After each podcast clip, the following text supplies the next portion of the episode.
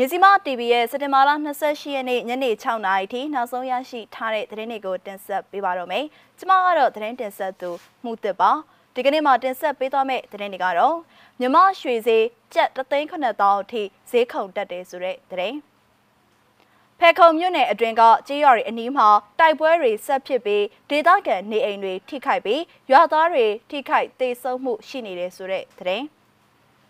မြန်မာမှာလူသားချင်းစာနာမှုအကြက်အတဲကြုံနေရပြီးလူသုံးသန်းခန့်အကူအညီလိုအပ်နေဟုကုလထုတ်ပြန်နေဆိုတဲ့သတင်းသတင်းမီဒီယာသမားများကိုဖိနှိပ်ခြင်းနဲ့သတင်းတောက်များကိုစတိုက်ဖမ်းဆီးနေခြင်းအပေါ် Burma News International BNI ရဲ့သဘောထားကြေညာချက်ထုတ်ပြန်နေဆိုတဲ့သတင်းအစရှိတဲ့သတင်းတွေကိုတင်ဆက်ပေးသွားမှာပါ။ဦးဆောင်သတင်းကတော့မြမရွှေဈေးကျပ်3,900အထိဈေးခုန်တက်တယ်ဆိုတဲ့သတင်းကိုတင်ဆက်ပေးကြပါမယ်။ ပြည်ရင်းရွှေဈေးကွက်မှာအခောက်ရွှေဈေးနှုန်းဟာတရက်အတွင်းတစ်ချက်သားကိုမြန်မာကျပ်ငွေ3,900အထိခုန်တက်သွားတယ်လို့မြန်မာနိုင်ငံရွှေလုပ်ငန်းရှင်များအသင်းရဲ့ဒီကနေ့စက်တင်ဘာလ28ရက်နေ့နေ့လယ်ပိုင်းထုတ်ပြန်ချက်အရသိရပါတယ်။မနေ့တုန်းကတော့အခောက်ရွှေတစ်ချက်သားကို 320နဲ့9000ကျပ်ရှိရာကနေဒီကနေ့မှာ22သိန်း2000ကျပ်အထိမြင့်တက်သွားတာဖြစ်လို့တရက်အတွင်းမှာမြန်မာကျပ်ငွေ3,900အထိဈေးကွာဟာချက်နဲ့ဈေးမြင့်တက်ခဲ့တာပါပြည်ရင်းမှာကဲယောဂအခြေအနေကြောင့်လုပ်ငန်းတချို့လောက်ကန်ရခလာချိန်မှာရွှေအရားဝယ်ဘက်မှာရင်းနှီးမြှုပ်နှံဖို့ပုံမအာယုံစိုက်လာနေကြတယ်လို့ရွှေလုပ်ငန်းရှင်တွေကအစောပိုင်းမှာ BBC ကိုပြောထားကြောင်းလည်းသိရပါတယ်။ တစ်ဖက်မှာလည်းအာနာသိမ့်မှုအစောပိုင်းကာလတွေမှာငွေထုတ်ယူမှုကန့်သက်ချက်တွေရှိနေချိန်ရွှေစုစောင်းရင်မျက်မယ်လို့ယူဆပြီးရွှေရောင်းသူထက်ဝယ်သူများလာတာတရရိတ်တက်နေတဲ့ဒေါ်လာဈေးမြင့်တက်နေတာတွေကလည်းရွှေဈေးကိုအဓိကတက်ရောက်စေတဲ့အကြောင်းရင်းတရက်ဖြစ်နေတယ်လို့ရွှေလုပ်ငန်းရှင်တွေကပြောပါတယ်။နောက်ထပ်သတင်းကဖဲခုံမြို့ကသတင်းမှာ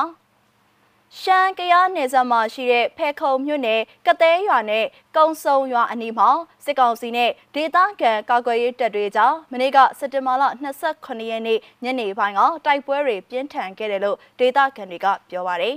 ။စစ်ကောင်စီဘက်ကဒီမော့ဆိုဘက်ကနေ ဖဲခုံမိုးပြဲဘက်တွေအထိအင်အားအလုံးရင်းနဲ့တိုးချဲ့လာတာကြောင့်ဖဲခုံမြို့အတွင်းကကုန်းဆုံးကျေးရွာနဲ့ကသဲကျေးရွာအနီးမှာရှိတဲ့ပင်လောဖဲခုံလမ်းမပေါ်မှာတိုက်ပွဲဖြစ်ခဲ့တာလို့ဖဲခုံဒေသကာကွယ်ရေးတပ်ကသတင်းထုတ်ပြန်ထားပါတယ်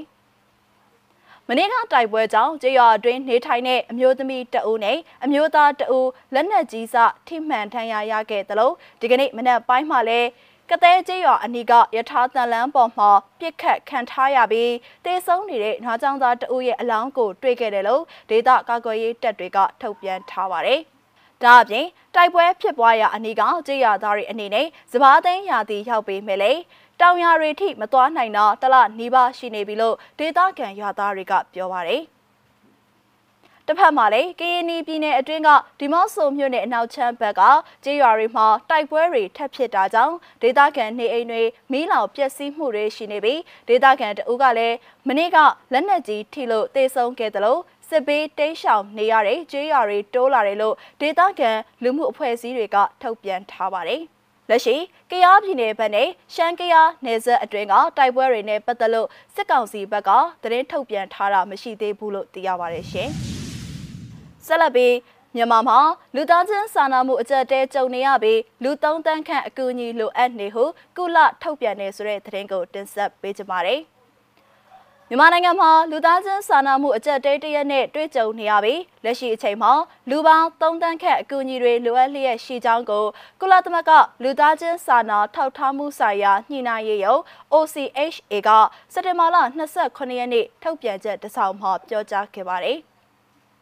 မြန်မာမှာ COVID-19 ကပ်ရောဂါနဲ့ဖေဖော်ဝါရီလ၁ရက်ဆရာနာသိမ်းမှုနောက်ပိုင်းရဲ့အကျိုးဆက်တွေကြောင့်လူသားချင်းစာနာမှုအကြက်တဲကိုပုံမဆိုးဝါးထားစေခဲ့ကြောင်း OCHA ကပြောပါရယ်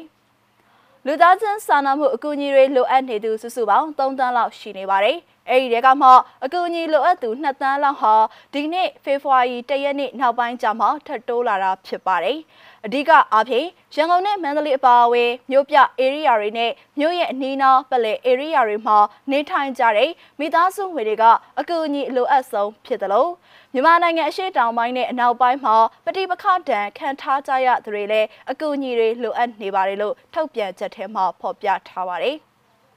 ဒါအပြင်ဖေဖော်ဝါရီလ၁ရက်နေ့နောက်ပိုင်းလက်နက်ကင်တိုက်ပွဲတွေနဲ့မလုံခြုံမှုအခြေအနေတွေကြောင့်ပြည်ရင်းကလူပေါင်း2သိန်း2000ကျော်တို့ဟာအိုးအိမ်ဆုံးခွာထွက်ပြေးထားရတယ်လို့ထုတ်ပြန်ချက်ထဲမှာပြောထားပါတယ်။အထူးခိုက်ခံရဆုံး area တွေမှာကချင်ရှမ်းချင်းကယားကရင်ပြည်နယ်တို့နဲ့အတူစကိုင်းနဲ့မကွေးတိုင်းတို့မှာရှိတဲ့မြို့တွေလည်းပါဝင်တယ်လို့သိရပါတယ်။ မြန်မာနိုင်ငံမှာဖေဖော်ဝါရီလ၁ရက်ကရွေးကောက်ခံအရသာအစိုးရကိုဖြုတ်ချပြီးစစ်တပ်ကမတရားအာဏာသိမ်းခဲ့ပြီးနောက်ပိုင်းမှာဝယုံသုံးကအခြေအနေများကိုရောက်ရှိသွားခဲ့ခြင်းပဲဖြစ်ပါတယ်ရှင်။နောက်ဆုံးသတင်းအနေနဲ့သတင်းမီဒီယာသမားများကိုဖိနှိပ်ခြင်းနဲ့သတင်းတောက်များကိုဇက်တိုက်ဖမ်းယူနေခြင်းအပေါ် Burma News International BNI ရဲ့သဘောထားကြေညာချက်ထုတ်ပြန်နေဆိုတဲ့သတင်းကိုတင်ဆက်ပေးပါမယ်။ 2021ခုနှစ်ဖေဖော်ဝါရီလ၁ရက်နေ့မှာစစ်ကောင်စီကနိုင်ငံတော်အာဏာကိုအတင်းအရမသိမ်းယူခဲ့ချိန်ကနေစပြီး9လကျော်အတွင်းမှာဖမ်းဆီးခံထားရတဲ့သတင်းမီဒီယာသမားပေါင်း100ကျော်ရှိပြီးအဲ့ဒီတဲကမှ48ဦးဟာအခုချိန်ထိဖမ်းဆီးခံထားရဆဲပဲဖြစ်ပါတယ်။ မီဒီယာသမားတွေကိုခိုင်လုံတဲ့အကြောင်းပြချက်မရှိဘဲဖမ်းဆီးအရေးယူမှုတွေဟာမြန်မာနိုင်ငံအတွင်းသတင်းမီဒီယာလွတ်လပ်ခွင့်နဲ့သတင်းတောက်တွေရဲ့လုံခြုံရေးကိုကြီးမားစွာထိခိုက်စေတဲ့အတွက်စစ်ကောင်စီရဲ့လုပ်ရက်တွေကို BNI ကပြင်းထန်စွာရှုတ်ချကြောင်းထုတ်ပြန်ချက်ထဲမှာပါရှိပါတယ်။ဆက်လက်ပြီး BNI ရဲ့ထုတ်ပြန်ချက်ထဲမှာနိုင်ငံတော်ဖမ်းဆီးခံထားရတဲ့သတင်းမီဒီယာသမားတွေကိုအမြန်ဆုံးပြန်လွှတ်ပေးရန် ဖမ်းဆီးခံထားရတဲ့သတင်းမီဒီယာသမားတွေကိုအကျဉ်းထောင်တွေနဲ့စစ်ကြောရေးဌာနတွေမှာစိတ်ပိုင်းရုပ်ပိုင်းဆိုင်ရာအကြမ်းဖက်ညှဉ်းပန်းနှိပ်စက်မှုတွေမပြုလုပ်ရန်သတင်းမီဒီယာသမားတွေအပေါ်ပြစ်မှုပုံမှအမျိုးမျိုးတက်၍ဗရန်များထုတ်ပြန်ထားခြင်းကိုရုပ်သိမ်းပေးရန်သတင်းထုတ်လုပ်ခွင့်လိုင်စင်ရုပ်သိမ်းခံထားရတဲ့သတင်းဌာနတွေကိုသတင်းထုတ်လုပ်မှုပြန်လည်ခွင့်ပြုပါရန် လွတ်လပ်စွာသတင်းရယူရေးသားဖော်ပြခွင့်နဲ့သတင်းအချက်အလက်သိရှိရယူခွင့်ကို လေးစားလိုက်နာရန်စတာတွေပါရှိပါတယ်ရှင်။မြစီမသတင်းဌာနရဲ့စက်တင်ဘာလ28ရက်နေ့ညနေ6နာရီထိနောက်ဆုံးရရှိထားတဲ့သတင်းတွေကိုတင်ဆက်ပေးကြတာပါ။ကြည့်ရှုနားဆင်ပေးခဲ့တဲ့အတွက်ကျေးဇူးတင်ပါတယ်။မင်္ဂလာရှိတဲ့ညချမ်းဖြစ်ကြပါစေရှင်။